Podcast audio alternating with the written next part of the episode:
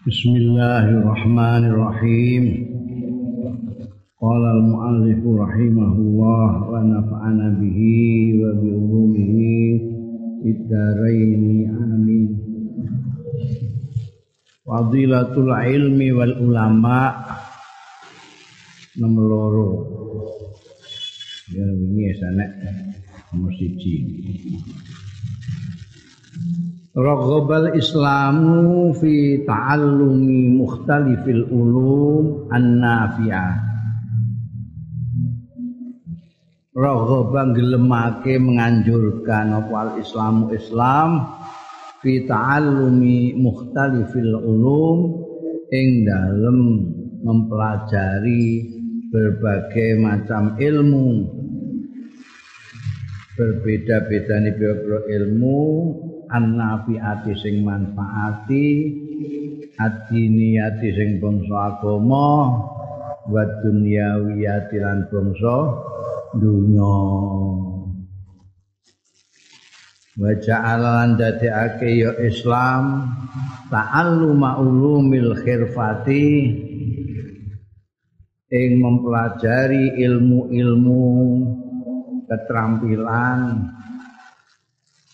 wal hayati dunyawiyati lan kehidupan sing bangsa donya didadekake min furudil kifayati termasuk pira-pira kefarduan kifayah. Katib bi Irfah itu bisa mbok manani keterampilan, bisa mbok manani profes, profesional bangsa profesi. Profesi jadi. Uh, atibi kaya kedokteran. Itu profesi. Wasinaati. Lan industri. Waziraati lan pertanian. Watijarati lan perdagangan. Wal falaki lan astronomi. Wa nahwiha lan sepadane tip sak teruse minal ulumi tadbiqiyati angin ilmu-ilmu praktis. Kalau handasati kaya dene teknik wa ghairiha lan liyane handasa. Kama ja'ala kaya dene ndadekake ya Islam ta'allumal haddil adna ing mempelajari batas minimal. Al kafi tapi sing nyukupi minal halali wal haram saking halal haram. Wa ahkam syariati lan hukum-hukum syariat didadekake fardhon ainian fardhu ain. Ala kulli muslimin ing atase saben-saben wong muslim wa muslimatin lan wong muslim itu. Kemarin sudah saya katakan bahwa di Islam itu tidak kenal ada dikotomi antara ilmu umum sama ilmu agama. Yang ada adalah ilmu berdoain Karena tolakul ilmi faridotun ya semua ilmu itu wajib perlu kita menuntutnya. menuntutnya. Cuma ada yang perlu ain per kepala harus mempelajari itu, ada yang perlu dibayar. Ini dijelaskan oleh mu'alif yang perlu kifayah itu adalah ilmu-ilmu khirfah ilmu-ilmu profesi yang menyangkut kehidupan duniawiya kedokteran, pertanian ya, hukum, tak itu lah ono teknik ya. itu memang untuk dilakukan kita membutuhkan di dalam kehidupan kita di dunia ini membutuhkan dokter, membutuhkan tukang, membutuhkan insinyur, membutuhkan petani dan lain sebagainya. Yang semuanya itu mesti dilakukan dengan ilmu, tukang cukur aja nganggo ilmu. Nah, Yang perdungain adalah yang mempelajari soal agama. Minimal cukup kamu harus tahu mana halal, mana haram. Gimana kamu mau sholat, caranya biye, poso, bagaimana caranya. Ini perdungain. Setiap orang Islam harus mempelajari. Waraghabal Islamu aidon kan menganjurkan apa al Islam gelemake itu menganjurkan ya Islam aidon halimane binasril ilmi nyebarake ilmu wa ta'limihi lan mulangake ilmu linnasi marang manusa. Wa bi il asari lan kelawan nglanggengake netep nglestarekake pengaruh as-solihi sing saleh bil ilmi kelawan ilmu nafi kang manfaat ba'dal mamati sakwise mati.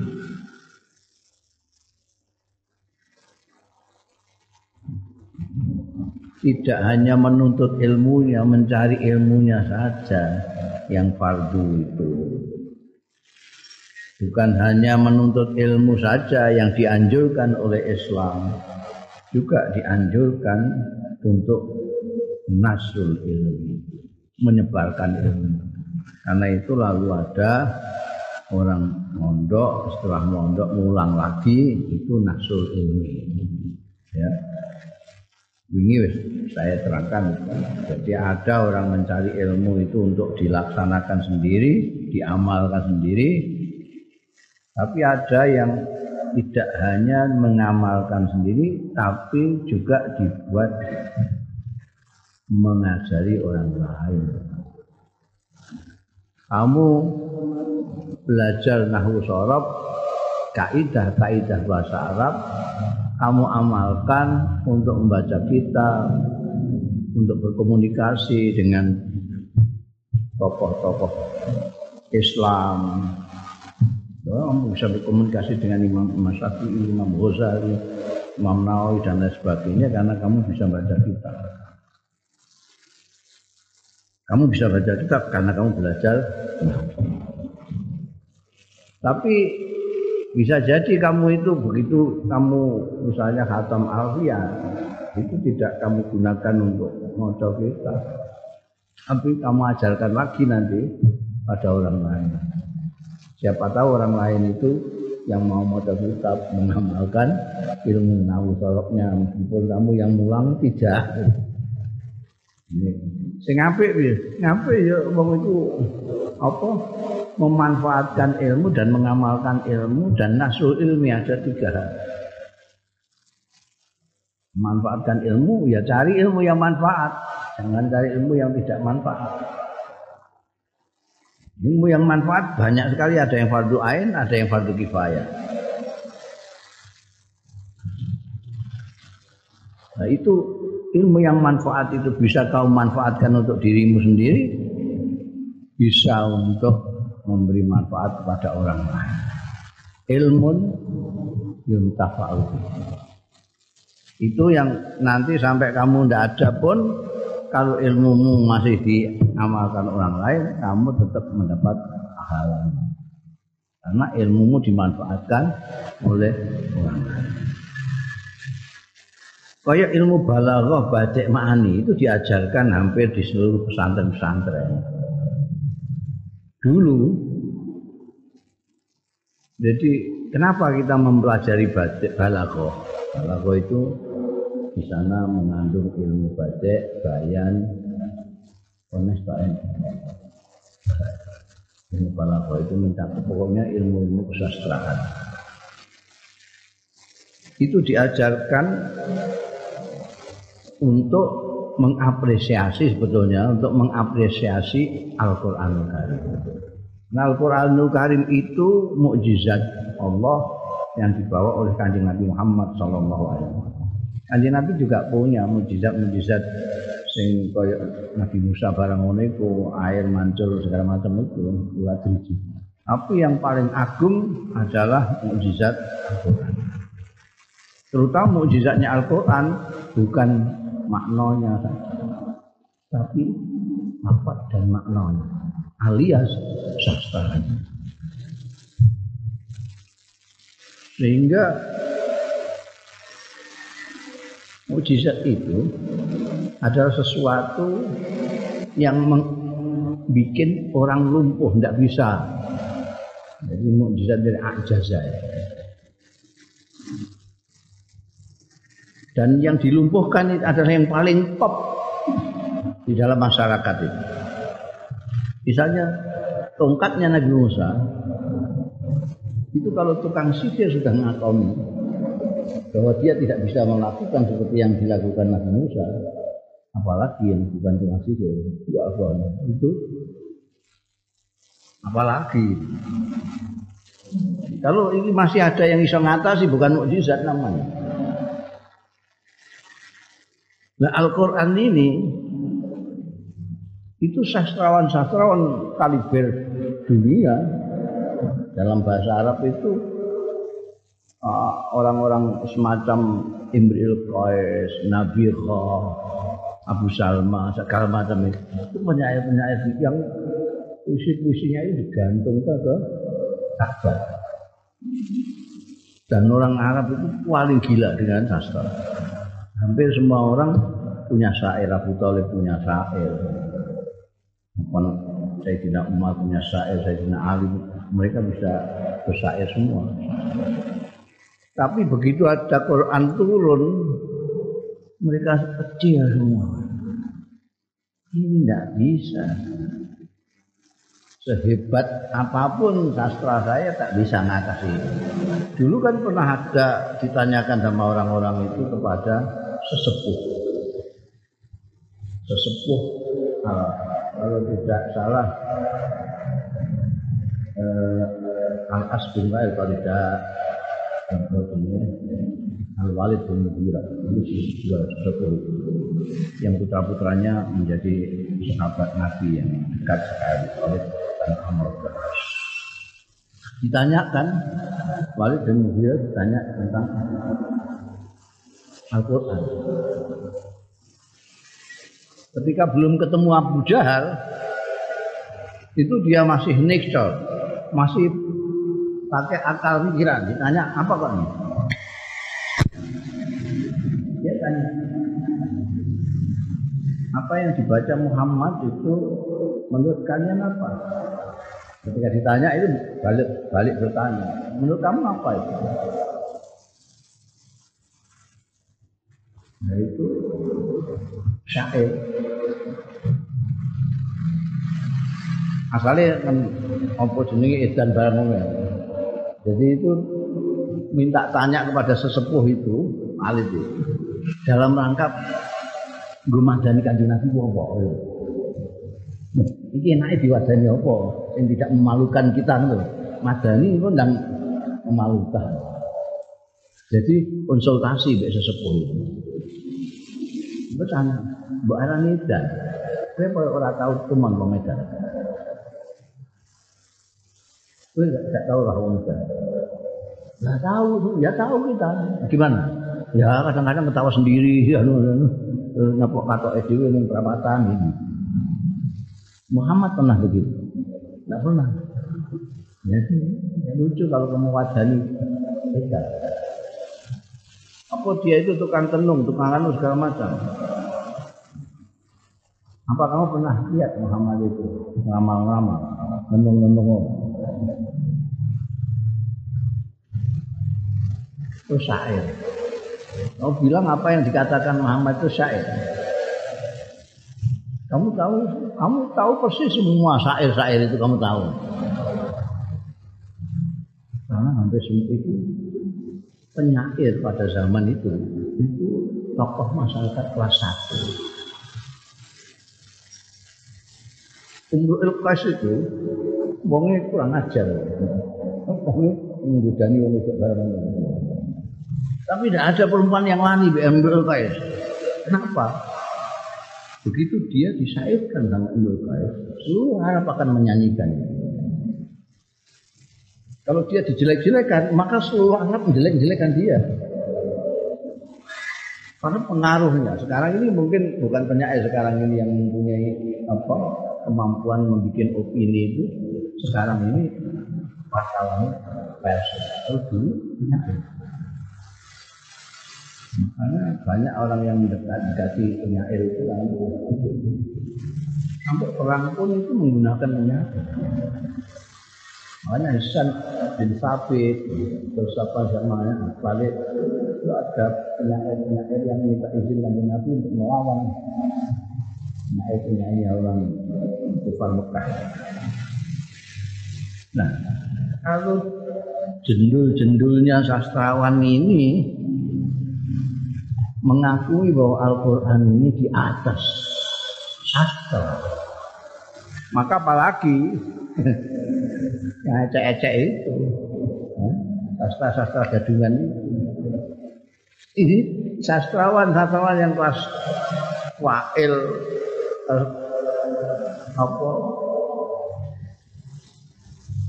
Al As bin Wahil Walid bin Nuhira kelas-kelas Abi Sulma segala macam Zuhair bin Abi Sulma yang kemudian masuk Islam mau bikin burdah itu.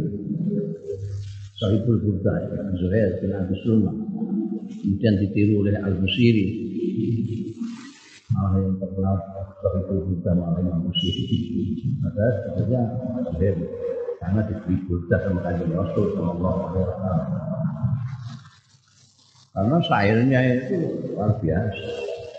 Tapi mereka itu tunduk. Karena itu orang masuk Islam itu ada yang karena kebaikannya Rasulullah Shallallahu Alaihi Wasallam terutama ketidurannya ada yang karena kelembutan dan kebaikannya. Ya saja riwayatnya Sayyidina Umar masuk Islam. Itu seperti mendadak Sayyidina. Begitu melihat ayat-ayat yang disembunyikan saudaranya itu baca maunya akan ngamuk deh ini. Begitu dibaca langsung lemes dan cari kanjeng Rasul Shallallahu Alaihi Wasallam untuk syahadat. Nah dari situ lalu ada ilmu sastra, ada ilmu balaghah, ada bayan segala macam itu untuk mengapresiasi sastranya Al-Quran. Tapi kiai-kiai zaman dulu itu tidak hanya untuk mengapresiasi keindahan Al-Quran, sastra Al-Quran, tapi karena itu ilmu yang bisa dimanfaatkan sendiri juga digunakan sendiri. Karena itu kita lihat misalnya Abdul Syekh Hashim Ash'ari yang mempunyai tulisan-tulisan baik prosa maupun puisi yang indah sekali. Kiai Hamid Pasuruan itu mempunyai dewan. Dewan itu antologi puisi. Dia sejak diterima sudah dijuluki Adib Al-Adib sastrawan. Kenapa? Dia mempelajari itu. Semula untuk mengapresiasi Al-Quran, kami kemudian dimanfaatkan untuk bikin sendiri. Itu madhab yang saya ikuti ya. Atau orang bingung, saya tidak pernah sekolah, kok bisa bikin puisi? Saya bilang, santai bukan sekolah, itu pesantren diajari sastra sastra ini malah lengkap gak karuan itu ada batik bayan bareng soal apa namanya metafora segala macam itu sudah dipelajari di pesantren. Meskipun pakai bahasa Arab jadi Kiai Hasyim Asyari pakai untuk bahasa Arab. Kiai Khalil bin Harun menggunakan untuk bahasa Arab. Kiai Abdullah Zaini Ad-Demai Al-Jata'i itu juga bahasa Arab. Kiai Muhaiminan Kiai Mahfud yang lebih dulu lagi malah Kiai Mahfud terus Kiai Hamid Pasuruan itu pakai bahasa. Ada yang pakai bahasa Jawa. Seperti uh, apa? Semarang itu kan terkenal. Ya ini ada Jidat ini itu. Ya ini soleh darat. Nah soleh darat. bahasa Jawa. Kayak bisa Mustafa. Kayak Yani Maksum. Bikin syair bahasa Jawa indah sekali. Ini untuk yang sekarang, yang dulu-dulu oh itu ada apa namanya uh, Asmorondono, ada Pucung, ada apa namanya itu wali-wali sama tidak bikin karena mereka memang mempelajari sastra jadi memanfaatkan ilmu yang manfaat di samping mengajarkannya taklim ulinas karena nanti itu bisa melanggengkan amal soleh tadi. Ini hadisnya Nah, in kota amalu itu yang biasa dipidato ini balik belum siapa ya. In kota lamin talasin masuk ilmun yuntafa'u bihi. Wa tabarul Islam kan nganggep menghitung apa Islam al ilma ing ilmu diwilang khairan mahdon ingkang bagus semata-mata. Mufidan tur bermanfaat li sahibihi. Wa lan liyane sahibihi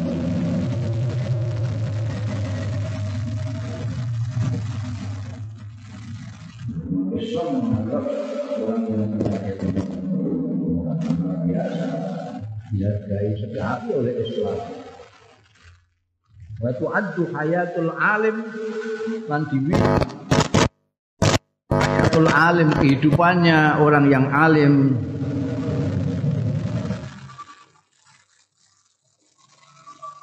Kuluha sekabiani hayatul alim fi sabilillah. Hitung fi sabilillah.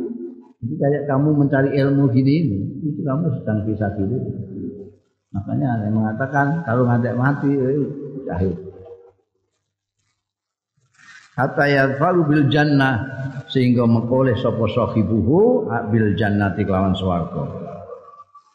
Walil alim lan kedue wong sing alim fadlun wadihun keutamaan sing jelas. Alal abidi dibanding wong sing abid sing orang alim. Ada orang itu yang sregep ibadah iktikaf mulai pas subuh ngantek bar zuhur eh masya wiridane bae ora mok 100.000 aku duwe terus sing 1000 jadi ngene. Ibadah. Salat duha salat qabliyah ba'diyah salat mengi poso Senin Kamis oh ibadah. Tapi ya mereka dijazai wong ae kowe eh? Kowe sembahyang duha minimal rong rakaat atau patang rakaat cukup wolong rakaat rezekimu ben bancar. Terus soal duha. Terus wak mengi nek duwe kajat apa-apa niatono sholat hajat Kajat ngopo ngomongno bayang gandani ngono ya itu dilakoni. Ini yang dimaksud habit yang jauh dibandingkan dengan alim. Wong orang alim ini ngerti mana-mana yang sedikit tapi ganjarannya angka itu ngerti. Nah kalau yang abid tidak ngerti, ya yes, ikut-ikut tok. Main dua, main ketiga, batia, pasos dan kemis, itu ikut tok. Tidak, ini ke mana-mana. Gue dikandani apa nih, ngono ya. Dilakoni. Tapi kalau yang ngalim ngerti, itu bisa ngerti deh. Tidak melakukan sesuatu yang ketoknya kayak penggawean dunia, itu sah akhirat wong itu. Alim bisa. Karena dia tahu bahwa semua perintah Allah itu bisa bersifat ibadah mahdoh kalau kita lakukan bisa tidak dia tahu bahwa innamal a'malu binniyat. Wa innamal likulimlin manawa. Ngerti? Jadi turu ning pasar. Ini bangsa sing ketok ketok donya kabeh iki. Turu ya donya ning pasar ya donya miyang ning segoro ya donya. Itu bisa jadi ibadah. Karena dia ini pinter ngalir. Turu. Ada wong turu loro malah kadang-kadang sak banteng sitoke orang ngalim sitoke ngalim. Hanya beda niat. Tapi kualitas. Kualitasnya akan sangat berbeda. Dan itu ketahuan niatnya dari kalau kamu tanya nah, niat nih hati kan gak iso. Takoki oh yang ini kok turu? Ya soalnya kok pengen sembahyang penuh saya itu apa nyimpen tenaga nanti saya begitu bangun energi saya pulih kembali sembahyangku terbinas di situ ae Lalu ya turu kenapa? Paling kok punya Liga Italia. Ini karena berbeda ini, niatnya berbeda. Pada-pada turu. Nah, orang alim itu tahu. Ya. Ngerti, iki dosa. Orang terima iki dosa, iki ganjaran enggak? Iki dosa cilik, iki dosa gede, iki anu iki. Ngerti kan? Sehingga ya enak kabeh. Sing ibadah itu ya diktat itu tak mau. Apa jare ning catatan. Mulane lil alim fadlun wadihun alal ab habib. Wa tastaghfirul malaikatu. Lan jalukno ngapura sapa malaikat-malaikat lil alimi marang wong sing alim. Piye Wong apik ndekne ndonga dhewe, njaluk ngapura, njaluk ngapurane dhewe. Wong alim njaluk ngapura malaikat. Wa tu'inuhu fi muhimmatihi lan bantu dukung nulung ya malaikat ing alim fi muhimmati ing dalam kepentingane pekerjaane tugase alim. Ya kan diwangi malaikat. Wa tadau lan jalehake ya malaikat ajni khataha ing suwiwine suwiwine piye? Coba takokno aku tidak roh. Gak tau roh kok ana suwiwine suwiwine malaikat diserahno kanggo apa? Lahu kanggo alim. Lho suwiwi kok disediakno kanggo wong alim apa? Untuk apa? Liyataka alaihi. Supaya untuk sandaran. Itu metafora juga itu sandaran ya alim alaiha ing atase ajnib kata ridon karena ridho bima kelawan barang yasnau sing gawe ya wong ngalim. Karena malaikat senang dengan orang alim itu bahkan bukan orang alim orang yang menuju alim. Orang yang sedang belajar ingin jadi alim. Dari ngono itu malaikat sudah menyiapkan ajinnya kataha suwiwine untuk kamu tumpai, kamu sandari, ya, membantu kamu lah. Karena apa? Karena mereka ridho, senang dengan orang alim dan orang yang ingin menjadi alim. Lu ini jari sopo. Wahadil ma'ani utai pengertian-pengertian ini Iku gak karangane mu'alib gak. Wa ma'ani utawi iki iki pengertian. Kuluha sekabehane hadhil ma'ani. Iku mustamadda diambil dasar minal faidin nabawi saking limpahan hikmah kenabian. Biriwayatin sabitatin kelawan riwayat-riwayat sing valid riwayat-riwayat sing tetep sing terbukti la syakka fiha kang ora ana kemamangan iku maujud fiha ing dalam riwayat. Misale rawal bukhari. Riwayatake sapa Imam Bukhari? An Abdullah bin Amrin sangi Abdullah bin Amr bin Al-As radhiyallahu anhuma anna nabiyya satuhune kanjeng nabi sallallahu alaihi wasallam. Qala dawuh sapa kanjeng nabi sallallahu alaihi wasallam balighu anni walau ayat balighu nyampe no sira kabeh ani saking ingsun walau ayatan senajan saayat. Walau ini goyah, artinya kamu senajan senajan. Ini bahasa Indonesia meskipun meskipun satu ayat sampaikan. Nah, ini menunjukkan bahwa perintah untuk menyampaikan dari kanjeng Rasul Shallallahu Alaihi Wasallam itu penting sekali. Kalau kamu punyanya cuma satu-satu.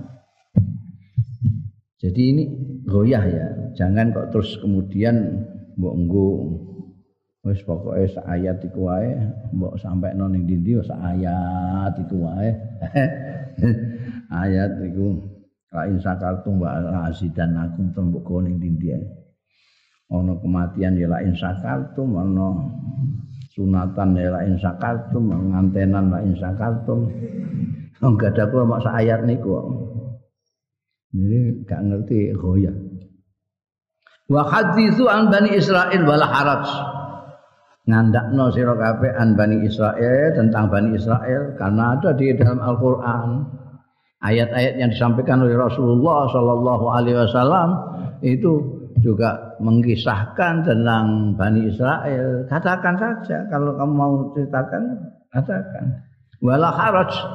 Ora usah sungkan-sungkan malah haraj itu.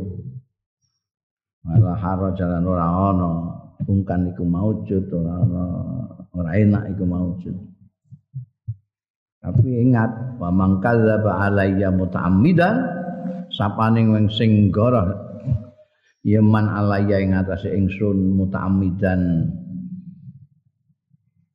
Hale sengaja fal yatabawa mongko supaya nyawisno yeman mak adau ing bokonge man minan nari saking neraka. Ini ancamane sampai no kalau kamu punya, punya ayat ya ayat itu saja sampaikan.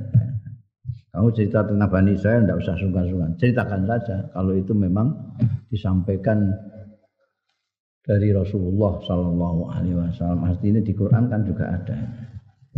Tapi jangan bikin-bikin jangan sampai kamu bilang ini kata kanjeng Nabi.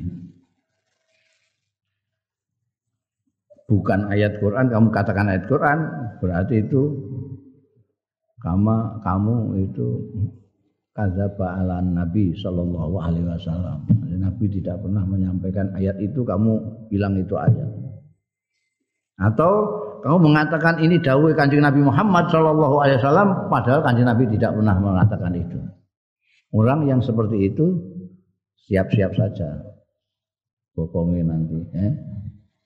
jajal sik ning gone angklo bokong iku nek kowe gak kepanasan ya silakan ya, nanti bin mak ada minan tegese hadis iki liubalir liubalir supaya nyampe no sapa kullu muslimin. Setiap orang Islam menyampaikan annasa ing manusa ing wong-wong. Walau ayatan senajan ayat minal Quran saking Quran. Mergo wong awam itu mungkin tidak membaca sama sekali itu. Nah kamu membaca meskipun satu ayat sampaikan. Wala mania. Lan ora ana sing nyegah minat tahaddusi saking menceritakan an ahdasi Bani Israel. Saking kedadian-kedadian Bani Israel. Dulu Bani Israel pernah begini. Dikongkon kalau Nabi Musa. Kon nyembelih sapi banyak banyak pertanyaan sapi yang bagaimana sapi yang bagaimana akhirnya malah kesulitan sendiri eh dan coba kalau ketika disuruh nyembelih sapi langsung yang pasar hewan terus tuku sapi sembelih sudah beres. Tidak kekaken pertingsing, kaken pertanyaan sapi yang kayak apa saya akhirnya terus sapi yang begini, sapi yang begini, sapi yang begini, sapi yang begini.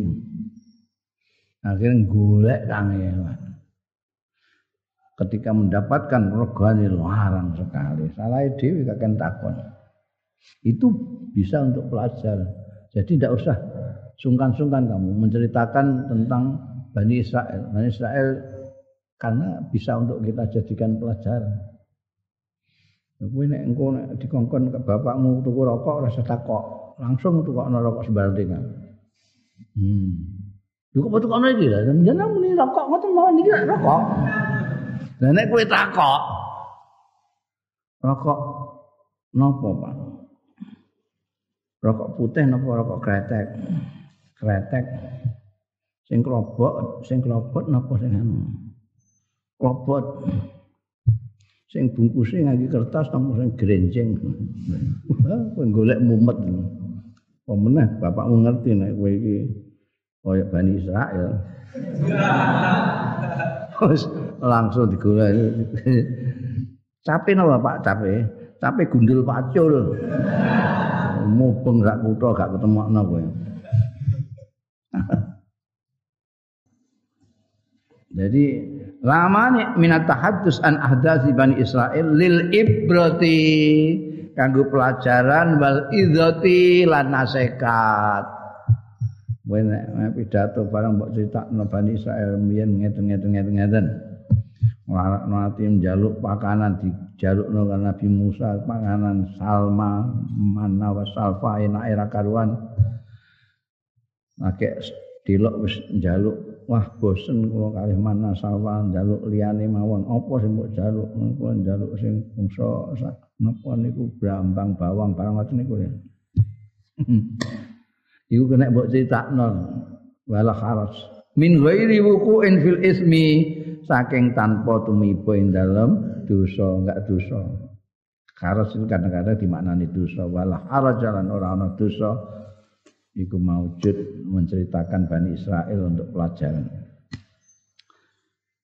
Bisarti mau tabak mau bisarti Allah yakunal hadis kelawan syarat ento ora ono apa al hadisu hadise ana iku makduban digoro hadis palsu. Eh? Itu syaratnya itu. Kamu cerita enggak apa-apa, tapi terus kue ngarang-ngarang dewe.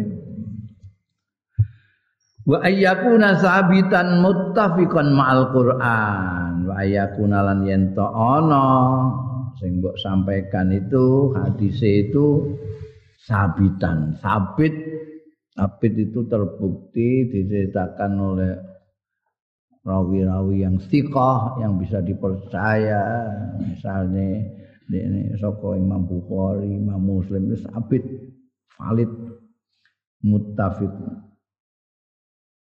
muttafaqan sing disepakati ma'al Quran atau muttafiqan sing sesuai ma'al Quran satane Quran al-Karim kan?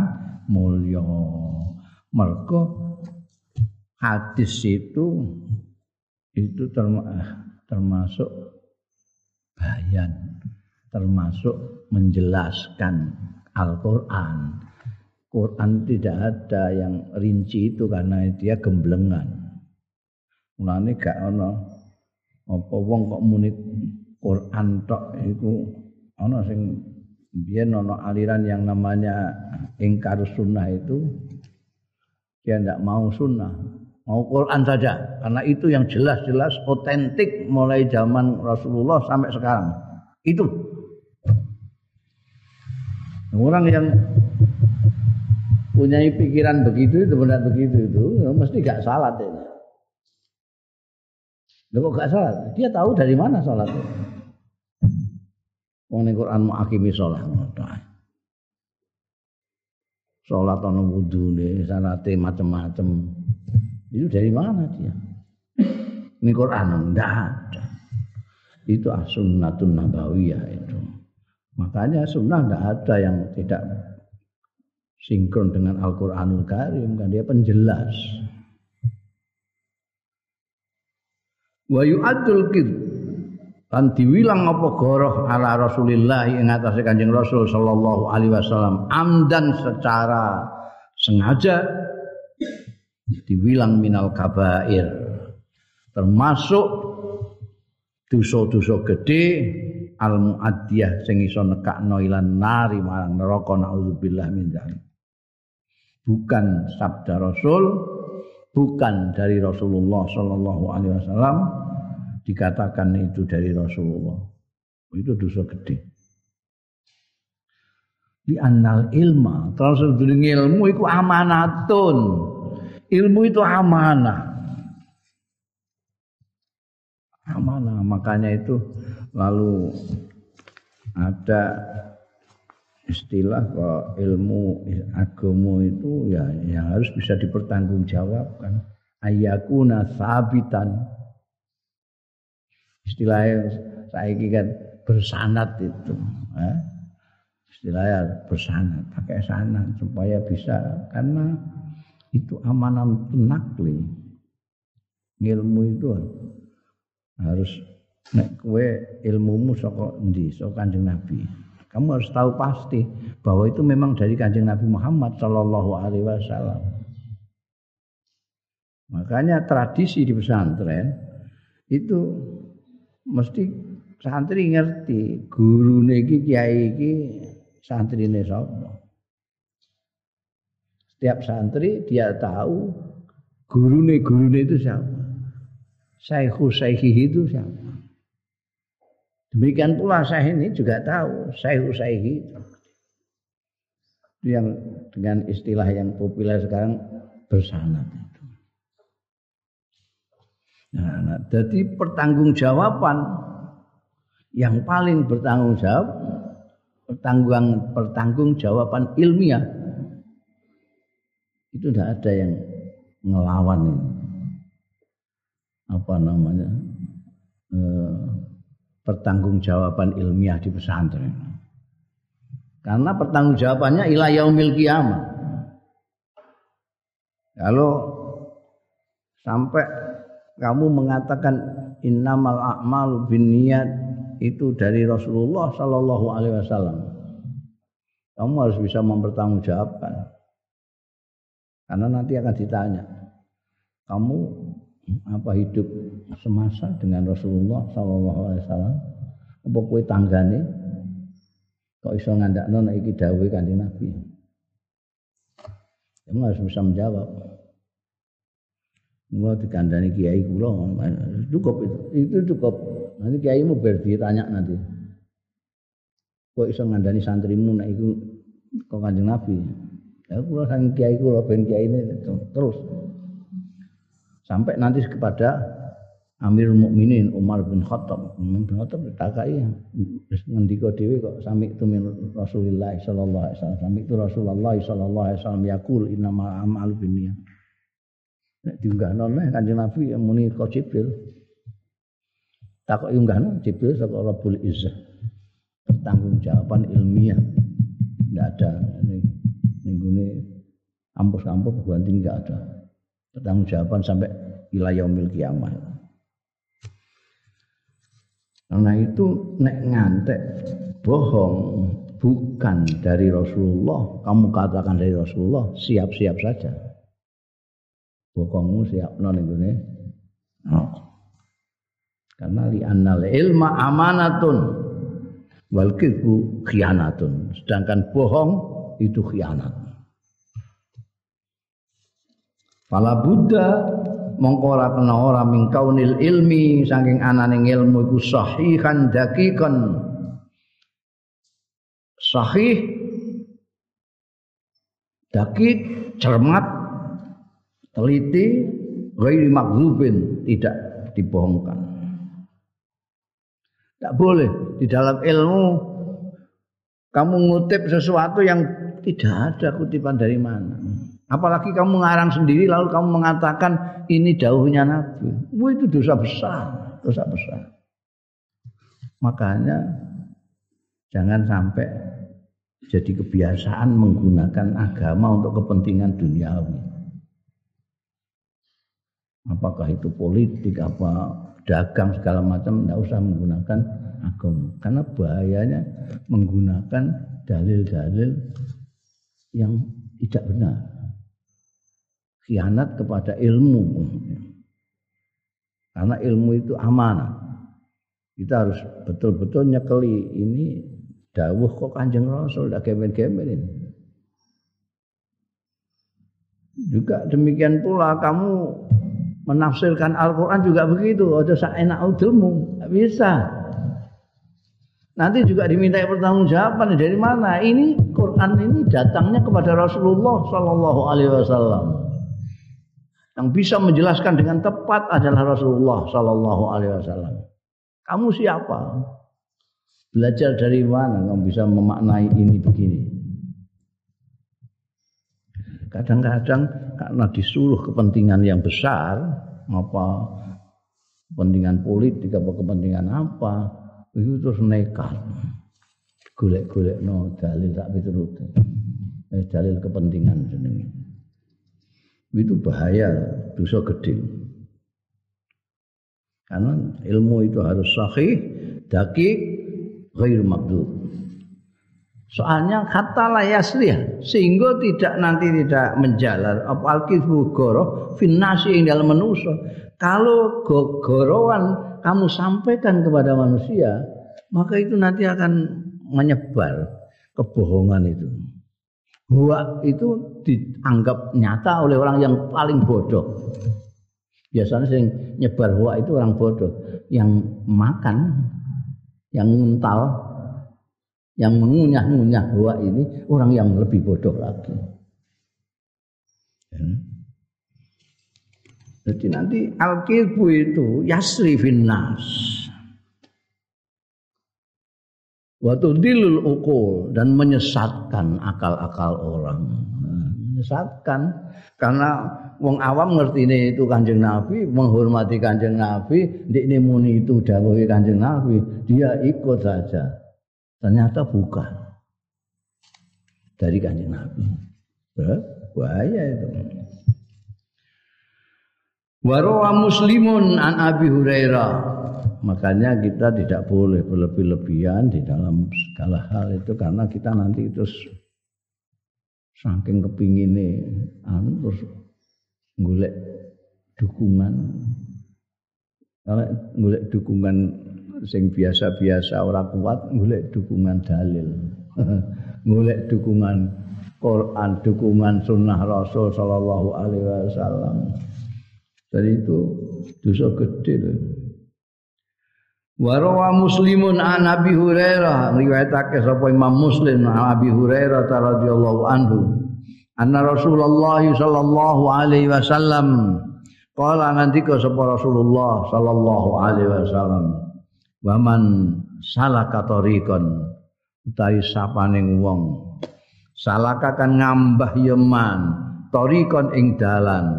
Yaltami sing golek yeman. Fi ing dalem tariq ilman ilmu sahalallah mongko gampangake sapa Allah lahu marang man bihi sebab ngilmune mau torikon ing dalan ilal jannati marang swarga Orang yang seperti kalian ini adalah orang yang ngambah dalan mencari ilmu. Man salaka torikon yaltamisu fihi ilman. Kalau memang kamu memang betul-betul cari ilmu, eh? Oh, timbangane nganggur ngono ya ora. Mengang nganggur gitu nganggur. Itu. Mencari ilmu. Maka Allah akan memudahkan kalian jalan menuju surga. Karena apa? Karena ilmu itu tadi. Kamu mencari ilmu itu akan memudahkan kamu masuk surga. Kalau tujuanmu memang surga, tujuanmu memang akhirat. Jadi tafsirannya dawa mergo ada orang yang mencari ilmu bukan karena golek swarga. Tapi golek diploma. Ya, ya, untukmu ya diploma. Gusti Allah itu murah sekali. Wa mayurid sawabad dunya nu'tihi minna. Mayurid sawabal akhirati nu'tiha. Kalau kamu ingin dunia, Gusti Allah kasih kamu dunia. Kamu kepengen dapat ijazah, dikasih ijazah Gusti Allah. Kepengen jadi PNS, kasih PNS. Pengen manfaat mau ilmumu kanggo urusan dunia, diparingi. Tapi kamu ingin untuk akhirat juga diparingi. Ya terserah kowe. Wa hadza yadullu tawi iki hadis hadis Abi Hurairah saka Imam Muslim iki yadullu nuduhake ala fadril ilmin nafi ing atase fadilai ilmu sing manfaat. Fahuwa utai keutamaane ilmu nafi iku tariqun ilal jannah merupakan jalan menuju ke surga. Kenapa begitu? Di anau dunia ngilmu iku tarikut tanawuri. Dalan pencahayaan. Orang yang kegelapan kamu sinari dengan ilmumu jadi terang. Wal istisad wal istirsyad. Lan amrih mengerti amrih bimbingan wa ma'rifatil haq dan jalan untuk mengetahui kebenaran minal batili saking sing ora benar. Dengan ilmu itu kamu tahu mana yang benar, mana yang tidak. Wal khairi minasyar.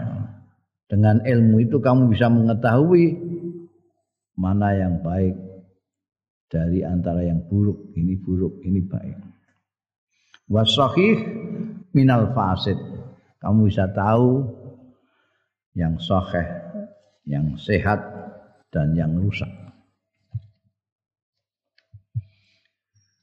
Warawa muslimun aidan lan riwayatake sapa Imam Muslim aidan halimane an Abi Hurairah saking sahabat Abi Hurairah juga radhiyallahu anhu anna Rasulullah setuhune Kanjeng Rasul sallallahu alaihi wasallam qala dawuh ya Kanjeng Rasul sallallahu alaihi wasallam man daa ila huda.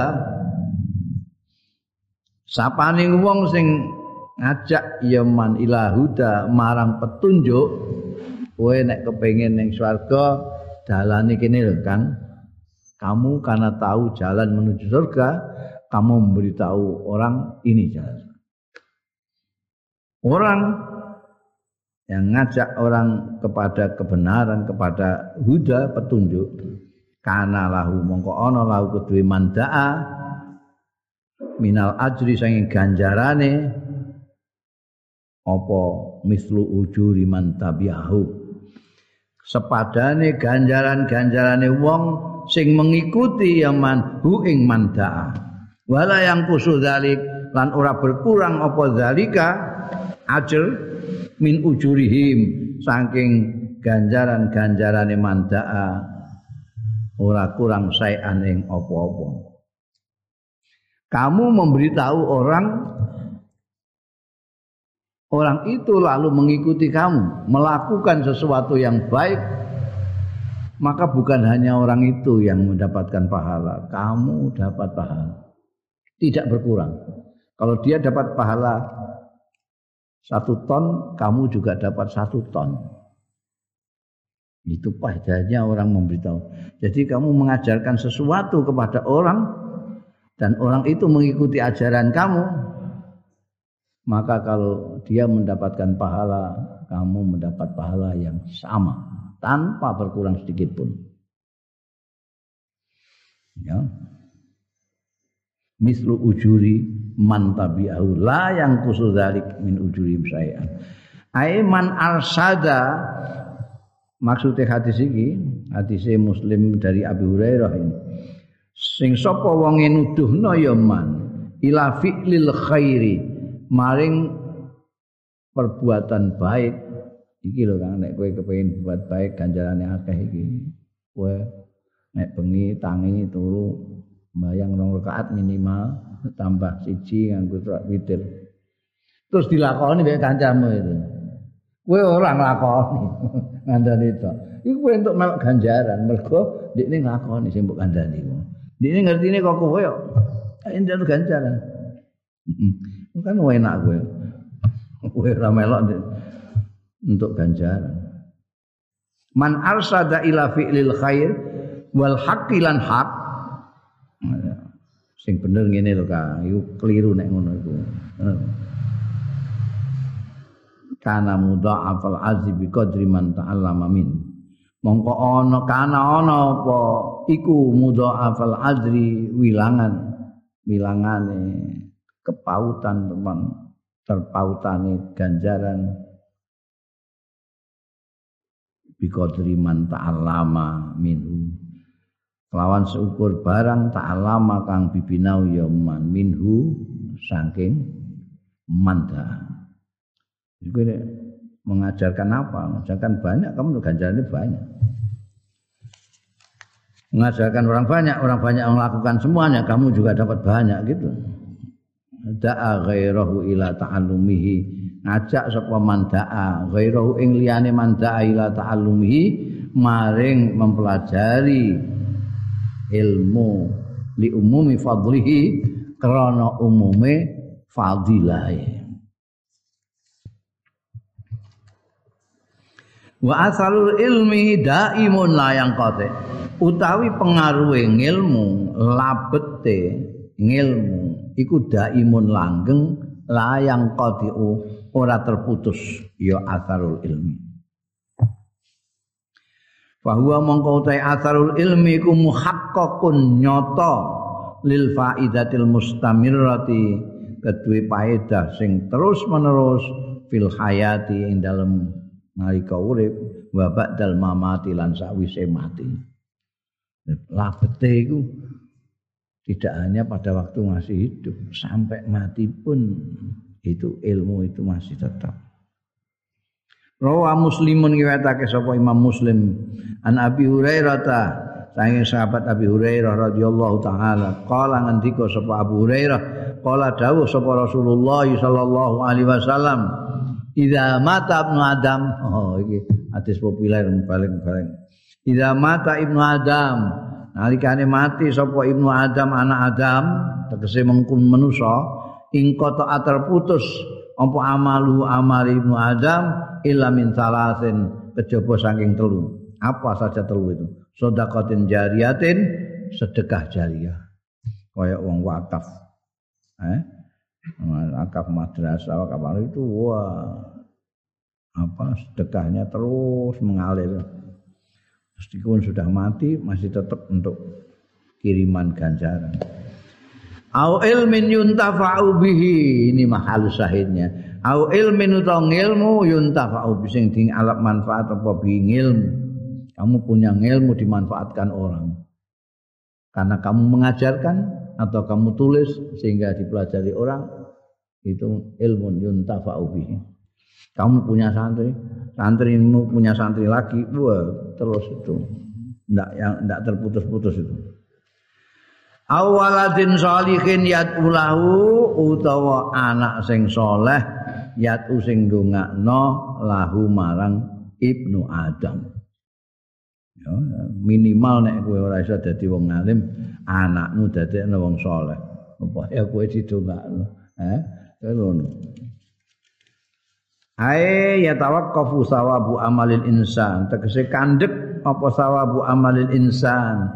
Ganjarane amale manusa ba'da mautihi sawise matine insan illa. Ela ya tawakkufu kandek itu berhenti sudah tidak ada bisa lagi. Kandek sawabu amalil insan ba'da mauti sakwise matine insan illa min salase khisalin kejaba saking telu pira-pira perkara. Wa asbahiyalan sepadan sepadane salase khisalin. Wa hiya as-sadaqatul jariyah. Wa hiya utai salas iku as-sadaqatul jariyah sedekah jariyah fahuwa bahwa mongko utahi mazkur minas sadaqatil jariyah mestine fahiya ngono enak. Bahwa mongko utahi mazkur minas sadaqatil jariyah iku amalun khairiyun daimun. Amal sosial yang daim yang langgeng malah. Langgeng. Kal wakfi kaya dini wakaf wa il masjid dan bangun masjid karena itu akan langgeng akan digunakan terus oleh orang.